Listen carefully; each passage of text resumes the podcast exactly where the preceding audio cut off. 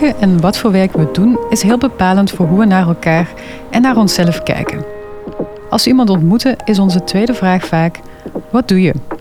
Je job is je leven, zo lijkt het wel. At the end of the day, your job is still going to treat you like an employee and not like a member of the family or any number of other things that bosses say in order to try to convince you to work harder for less money. Houden van je job en jezelf ontplooien worden steeds belangrijker. Elke job wordt gepresenteerd alsof het je roeping moet zijn. Dat het iets is waarin je je innerlijke passie kwijt kan. Of je nu een magazijnmedewerker, academicus of pakjesbezorger bent. Maar terwijl wij steeds toegewijder zijn aan ons werk, wordt de arbeidsmarkt onzekerder en flexibeler. Hoe meer wij van onszelf geven, hoe minder we terugkrijgen.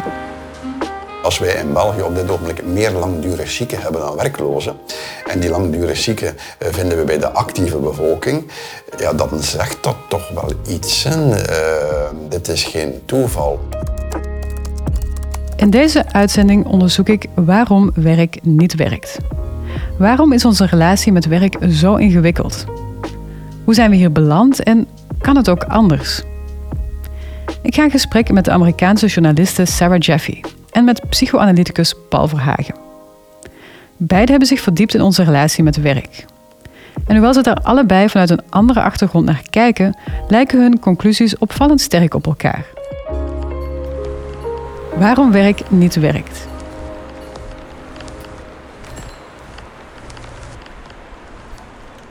Ik ben Selma Fransen. Ik ben freelance journalist en auteur. De titel van het nieuwste boek van Sarah Jeffy trekt al enige tijd mijn aandacht. Work Won't Love You Back. In dat boek onderzoekt zij hoe toewijding tot ons werk ervoor zorgt dat we uitgebuit, uitgeput en eenzaam zijn. Die stelling vond ik confronterend. Als we allemaal zo'n ongezonde relatie hebben met ons werk, geldt het dan ook voor mij? Heb ik ook zo'n ongezonde relatie met werk? En is dat dan mijn eigen fout?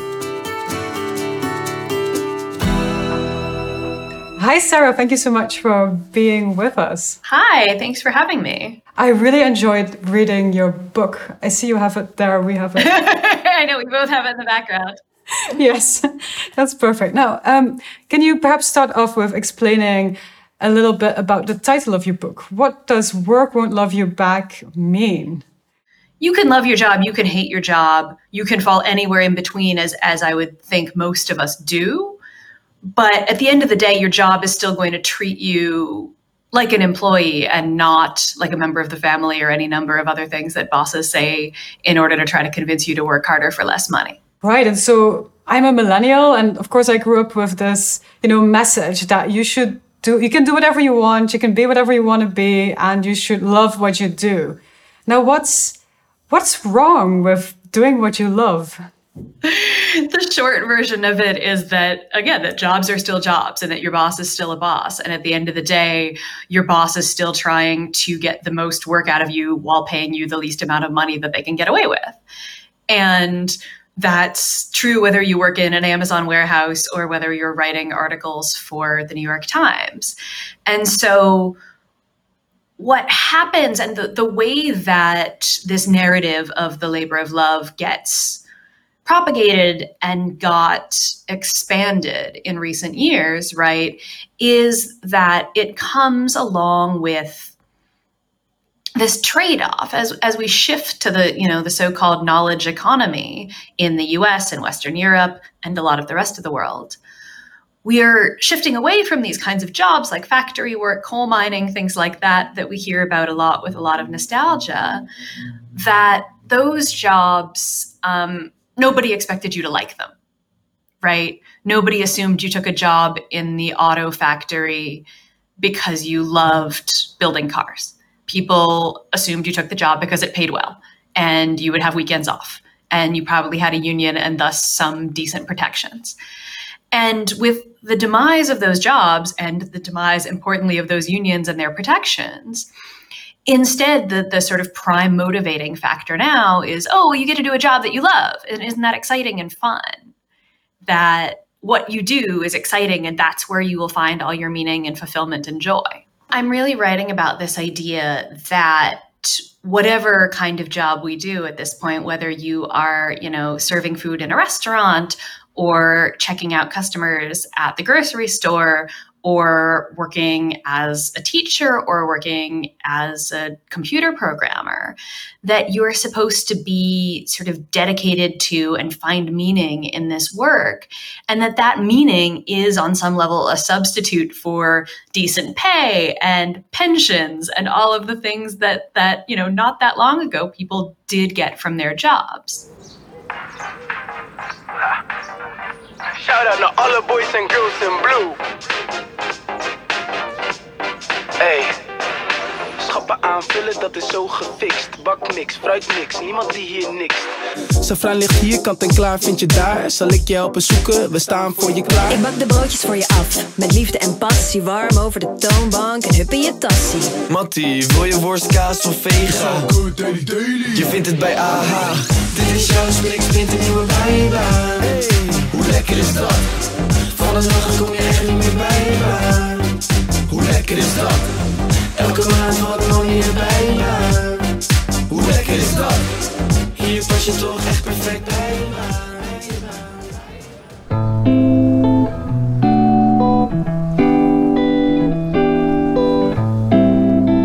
Ik las onlangs een vacature voor rekkenvuller.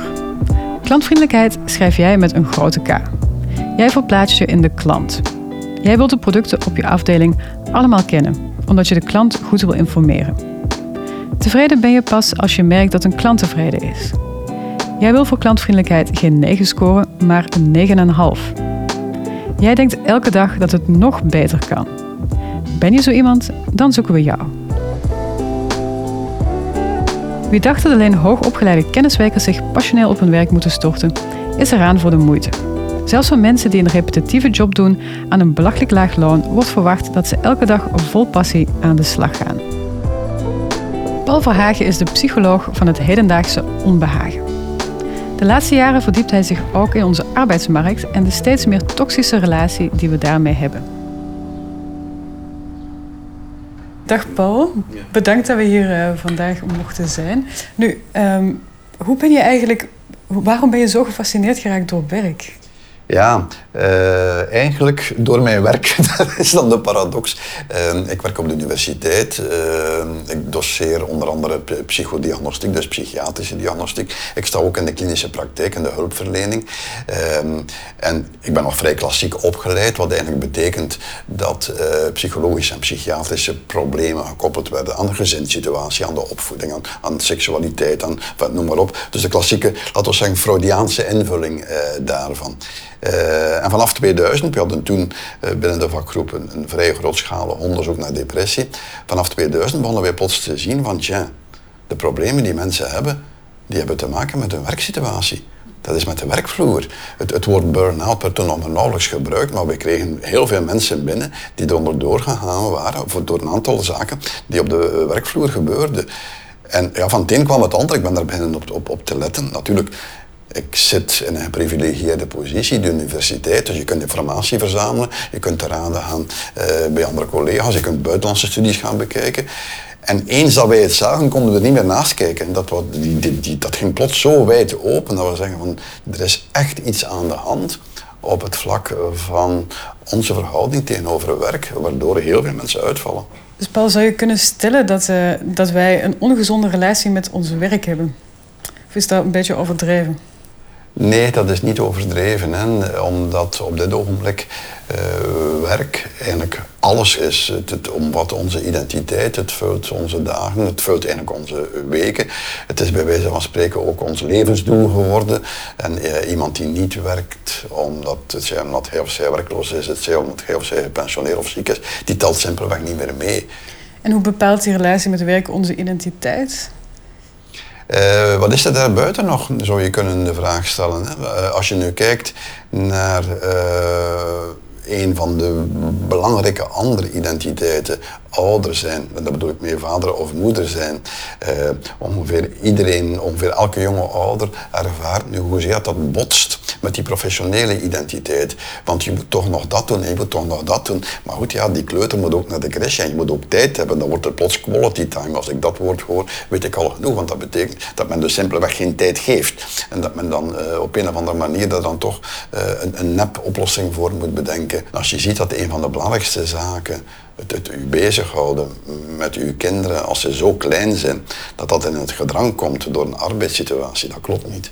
Ja, je zegt dat werk dat zit overal. Dat is, hè, ons hele leven is daarvan doordrongen, dat is ongezond. Hoe uitzicht dat dat dat ongezond is? Goh, hoe uit het zich niet?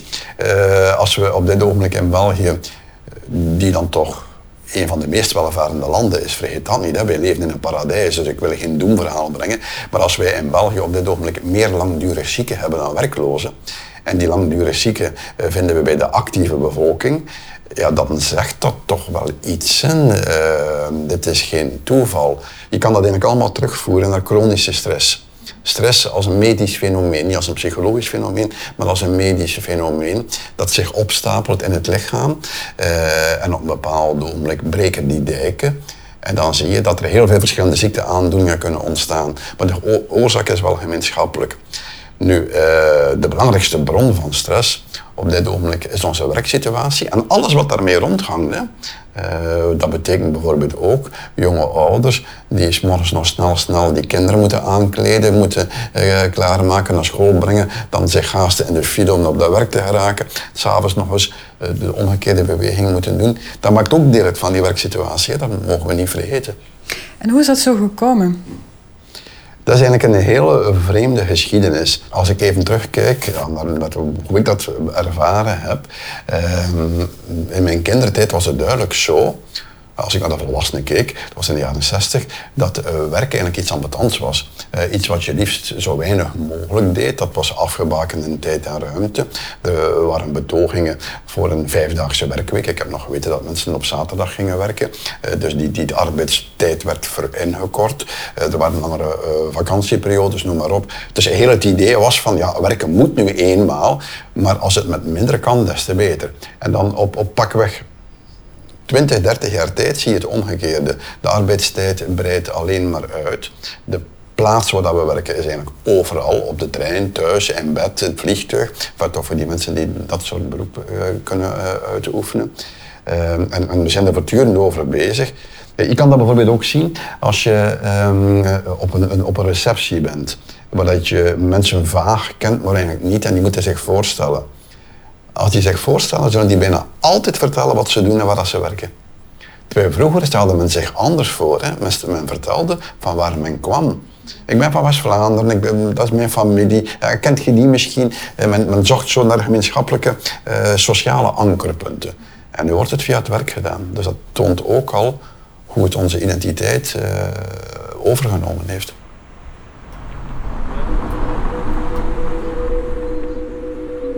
Sinds ik op mijn 21ste begon te werken, heb ik haast elk soort dienstverband gehad. Fulltime, parttime, vast, tijdelijk, uitzend, flex, schijnzelfstandige, zelfstandige en bijberoep. Vandaag ben ik freelance journalist. Ik vind het fantastisch om artikels en boeken te kunnen schrijven en evenementen te programmeren en presenteren. De keuzevrijheid die ik heb, komt wel met een prijs. Ik heb geen vast inkomen. Soms is er geen werk en op andere momenten moet ik heel lange dagen kloppen om het werk gewoon af te krijgen. Ik heb geen enkele zekerheid. En ik word ook beter niet ziek. Nu gaat het goed, maar ga ik dit nog volhouden als ik 55 ben? Right, so when we're talking about us loving work, it might seem like that's our problem. Like we made the mistake of loving our job. But isn't, is it more, isn't it more like a systemic thing? Is it our fault? No, it's not your fault. And it also it, it will happen to you whether whether you pursue a job you love or not. So, yeah, so what's happened is that basically in the 1960s, 1970s, it starts to be a lot more expensive for capital to produce in countries like the US, the UK, Belgium, wherever we might be, right? That instead they want to start packing those jobs up, packing that work up, and doing it somewhere cheaper. So you get with a profit crisis, you get companies closing down factories in the US, Western Europe, and reopening them in Bangladesh, in China, in Vietnam, in India, in anywhere that they can get cheaper wages and lower environmental costs. And so, what happens in the countries where you know those jobs are disappearing is what takes its place is a different kind of labor and what comes along with this um, is a real crackdown on sort of organized organized labor. So think about like Margaret Thatcher crushing the coal miners unions, right? And nobody expects that you go into being a coal miner because you really love going down into a dark, dirty pit in the earth, breaking your lungs to dig up coal, right? That seems ab- absurd on its face. But still, um, you had to destroy the unions and an entire community sort of way of life in order to really get rid of these jobs and, and shift that coal mining somewhere else. And so what happens in those communities is they get replaced not by good union jobs doing something else, right? They get um, care work jobs. I actually read a wonderful article that I, I cite in the book about um, a woman who whose mother worked in a factory in Manchester. And the factories are all closed and now most of the working class jobs are actually home health care workers taking care of the people who broke their bodies in the factory in the first place. And what that looks like that's a job that is extremely low paid gets very little sort of social recognition is incredibly necessary right? Um, the pandemic brought us this whole discourse around essential work and that kind of work is incredibly essential. But it's paid so low, and it's because we expect people to do it out of love. One of the things that, that really makes this sort of a seductive story that we do what we love and you'll never work a day in our lives or any of the other sort of, you know, whatevers of it is that it comes from, in part, from demands that workers were actually making. So in the 1960s and 1970s, you know, you had rebellions of factory workers, Fiat factory workers in Italy, um, workers at the Lordstown GM plant in Ohio, that were rebelling against the entire idea of these factory jobs. They were saying, in fact, like these jobs suck and we don't want to do them for 40 years of our lives, right? Um, we do want to have work that is more stimulating. And so, you know, when you think about that that people did have these real desires. And those desires are sort of twisted and turned on their head. So you get sure you get the job where you can use your mind. And i've been freelance since 2014 you know? Um, so great i have a, a mentally stimulating job but you have no security. So can you explain a little bit about this idea of love of labor where it came from what it means um, on one level, it's really old, right? It's an idea that's been around in some fashion for, for quite a long time. In another sense, we have a totally new and sort of updated for the age of neoliberalism um, expectation that we'll all love our jobs. So, you know, the history of for instance, a lot of the work that women are expected to do in the home is a history of the expectation that that's not really work because it's done out of love. So, taking care of your children, feeding your family, that's not work. That's just what you do because you love people. Um, and what we see from that, which is again a, a history of hundreds and hundreds of years of this expectation, is the way it shaped professions that women do. Um, and so, you know, when we think about nursing or teaching, things that are close to the work that women are expected to be naturally good at, um, we find this very same expectation that you should love your job and, and really be devoted to your job. So I've been covering a nurses' strike in Massachusetts. They have been on strike for 11 weeks now. Um, and it's interesting because their big demand, the big sticking point, the reason that they won't go back to work yet, is they're calling on the hospital to hire more nurses so you can have fewer patients per nurse.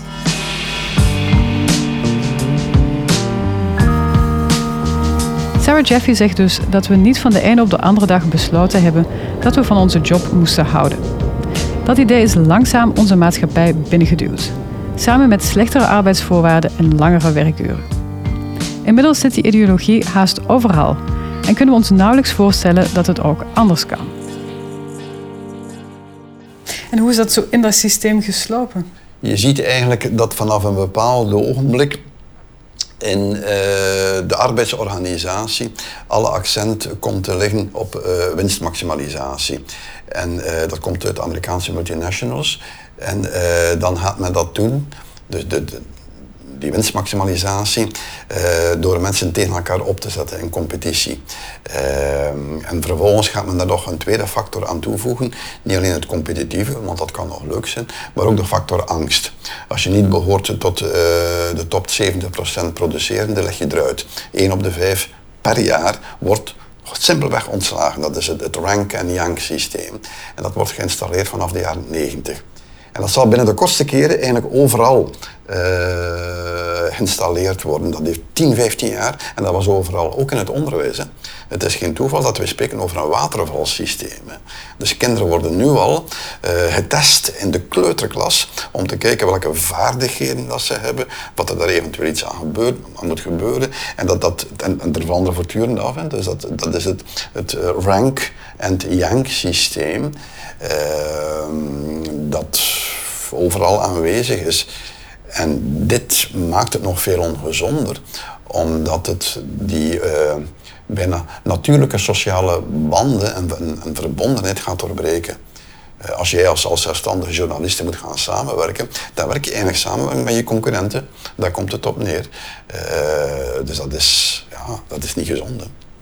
En je zou ook zeggen, ja, er zitten zoveel mensen ziek thuis door hun werk. Dat kost de overheid natuurlijk, dat kost onze samenleving eigenlijk ook geld. Wie heeft er nu eigenlijk baat bij dat de dingen georganiseerd zijn zoals ze nu georganiseerd zijn? Wel, ja, dat is een zeer pijnlijk verhaal. Hè. Uh, kijk, we zitten nu, uh, als je een, een aantal economen leest, eh, een aantal hoogleraren economie, eh, dan, we, bevinden we ons nu in de eindfase van het kapitalisme of in de eindfase van een vrije marktsamenleving. En eh, die eindfase is eigenlijk het omgekeerde van de beginfase. De beginfase toont welvaart, vooruitgang, democratie voor een grote groep. Dat is zo, kijk, in de geschiedenis, ja, dat telkens wel kunnen daar argumenten voor kunnen vinden. In de eindfase is het exact het omgekeerde. Je krijgt een verlies van vrijheid, je krijgt een winstmaximalisatie voor een steeds kleiner wordende groep en je krijgt eigenlijk het verdwijnen van uh, democratie, want uh, de politiek wordt letterlijk opgekocht. Kijk naar Amerika, het presidentschap wordt gekocht. Uh, en ja, als je dan je vraag stelt van wie heeft er daar een voordeel bij, dat, dan is het antwoord een heel kleine groep. Want die onkosten voor die uh, langdurig zieken worden betaald door ons, hè, van het gemeenschapsgeld. Wij werken ons te pletter en de kosten wordt afgewenteld op de samenleving. Jeff Bezos is misschien wel een van de meest extreme voorbeelden van deze praktijk. Hij is de eigenaar van Amazon en een van de rijkste mensen van de wereld. Hij verdiende miljarden tijdens de pandemie. Niet alleen betaalt Amazon amper belastingen op die monsterwinsten, het succes van het bedrijf is ook gebouwd op het schaamteloos uitbuiten van personeel. I'm very proud of the culture that we have at Amazon. And you know, it's a uh, it's a I think of it as a gold standard culture for innovation and pioneering work. And the you know, and the people I work with these people who they're missionaries for what they do. They are, you know, if you're giving great customer experience, um, there's the only way to do that is with happy people. You can't do it with a set of miserable people, um, you know, watching the clock all day. Is this idea everywhere now? It's pretty pervasive, right? I tell this story all the time of, of driving past a billboard for Amazon jobs. It says, get a job delivering smiles. And it's just like what they don't tell you on that, you know, billboard is that you're going to pee in a bottle while you're doing it, um, because you're under, under so much pressure to deliver all of those smiles that you literally don't have time to take a bathroom break. So, um, yeah, it's really, really pervasive. And Amazon makes such a good example of this because, you know, anything you hear from sort of Amazon warehouse workers and delivery drivers is pretty much that the work is grinding and, and awful. But the rhetoric coming from the company is like, our workers love this. Our workers love Prime Day. It's like a challenge, it's a game. I find Amazon really fascinating because, like, it almost seems to represent, like, the end point of, of the labor of love in that, like, Amazon's not going to make any effort within the workplace to even pretend that it's going to be a good place to work. And yet they're still going to tell everybody that our employees love working here. They're still going to tell everybody that they're missionaries for us. And it's it's like so the bottom level of um, uh, my friend Danya Rajendra, who um, is an organizer with the Athena Coalition, which is organizing around all of the different ways Amazon is bad for Americans, um, she sort of likens it to the thing we used to say about Donald Trump, where the cruelty is the point, and that there is something about it at this point that seems almost sadistic, right? That like this company is such a notoriously unpleasant place to work, and yet they demand that you perform enjoying it.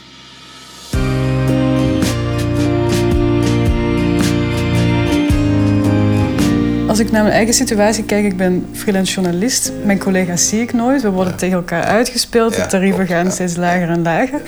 Waar begin je om, ja, om, om iets te veranderen in die situatie? Dat, dat is zonder de mensen twijfel de, grote uitdaging en een van de belangrijkste vragen. Hè. Uh, het is duidelijk dat uh, veel individuele mensen het, ja, het, slachtoffer zijn van het systeem. maar die zal niemand helpen door hem of haar tot slachtoffer te reduceren. terzelfde tijd alleen maar gaan klagen over het systeem, ja, dat werkt ook niet. Dus je moet op een of andere manier proberen die, die passieve positie kwijt te raken, want dat is wel een, denk ik een, een, goede omschrijving, dat wij in een bepaalde passieve positie geduwd worden, waarin dat we uh, als het ware verplicht worden om mee te draaien in dat systeem en geen alternatieven meer zien. Uh, je zou er wel willen uitstappen of je zou het op een andere manier willen organiseren, maar je werk is nu eenmaal zo en je, enfin, noem maar op. Wel, een van de belangrijkste manieren om daar iets aan te doen, is dat je je samen gaat zetten met een aantal andere mensen dat je dus het, het individuele probleem uh, legt naast het probleem van een ander individu en van nog een ander individu. En dat je daar samen naartoe begint te kijken en op die manier iets probeert te veranderen. En uh, kijk, het is een heel makkelijke vergelijking te maken die nu dan toch meer en meer op de voorgrond komt. Dat is de klimaatverandering. Uh, we weten ook allemaal dat dat een systeemfout is. En, en iedereen uh, weet ook van, ik kan daar niets aan doen. En, en het is de, de, de, de, economie en en de overheid. Ja, ondertussen zien we dat burgers zich samenzetten, uh, naar de rechter stappen, uh, processen aanspannen. Dus je ziet dat de burgers zich beginnen te groeperen, dat ze zich vinden en dat ze dus niet meer uh, het, leidloos, leidzaam, pardon, leidzaam als een individu blijven ondergaan. Dus dat is denk ik een van de belangrijkste antwoorden dat we ons moeten samenzetten. Dat is historisch gezien trouwens altijd zo geweest. Hè. Als we terugkeren, we zitten hier in een arbeiderswijk in Gent van de 19e eeuw. Uh, dat moet hier toen, dat is hier nu bijzonder aangedaan, dat moet hier toen verschrikkelijk geweest zijn. Hoe zijn ze daaruit geraakt? Via vakbonden. Hè. Ze hebben zich samengezet. En op die manier zijn er een aantal dingen geleidelijk aan veranderd. Uh, dus wij moeten dit opnieuw heruitvinden, ons als individu gaan samenzetten om als groep een aantal dingen te gaan veranderen. Met anderen praten over de ongezonde kanten van onze arbeidscultuur is belangrijk om te zorgen dat er iets verandert, zegt Paul Verhagen. We moeten samenkomen om als groep opnieuw uit te denken hoe wij werken. Als we naar de geschiedenis kijken, is dat altijd de manier waarop er verandering is bereikt. I'm also freelancer, I'm on my own. Where do I start if I want to be part of this movement, you know? Yeah, I think one of the things that we have to figure out now, right, is what unions and worker organizing look like in a world where fewer and fewer of us have stable employment. So, you know, for me, that's meant being a part of journalists organizing as freelancers and also supporting people who are staff writers and hopefully they they support us back. In other cases you know there's the question of, of like uber drivers organizing right? Talk about a service sector that you know and and drivers i'm i'm here in london now where fairly recently you know uber drivers who are organizing um, took uber to court and got a recognition that they are owed some rights from the company that they can't just be described as completely independent contractors, but that they actually are workers. And that means the company owes them certain things. You know, I write in the book about interns in Quebec who organized as interns and, and had massive strikes against unpaid interns with tens of thousands of unpaid interns walking off the job in all of these different fields because interns are everywhere. Um, but they struck against the idea of the unpaid internship and demanded to be paid. So, you know, these are, are things that we're sort of figuring out what organizing looks like when it doesn't look like being at the Ford factory and being able to sit down and, and shut down the factory. Perhaps it starts with reaching out to other people and kind of having the guts to say, actually, I don't love my job and it definitely doesn't love me. And to be willing to kind of, you know, complain to each other and discuss those aspects of your work. Yeah. That but does that that takes courage, you know? It does. It very much does. And it also, um, I think that in this moment, um, because work has gotten so much worse in the last year, right? Because we're all doing everything over Zoom and and um, or going into workplaces that are much more dangerous, because we're all facing sort of new levels of challenge, and we're all a little bit more able to admit that this year has been horrible and it's taken a lot out of us. I think that does, on some level, sort of lower the cost of speaking up and saying, you know, this isn't sustainable the way that we live now, right? That we can't afford to live like this, not just financially. I mean, financially, yes, but also um, emotionally, right? That's like this. This has been a traumatic year in a lot of ways. We do have to understand that the problems with work aren't just money. I think this is one of the things that I'm, I'm getting at in this book too, right? Is is that um, there can be a real sense of betrayal when you have devoted yourself to a job in a career in a career that you believed in and cared about and then find out that it doesn't give you your bosses don't give you the same respect and care and loyalty that you gave them and that that sense of betrayal really hurts but it also is often the spur to people getting together and, and doing something about it.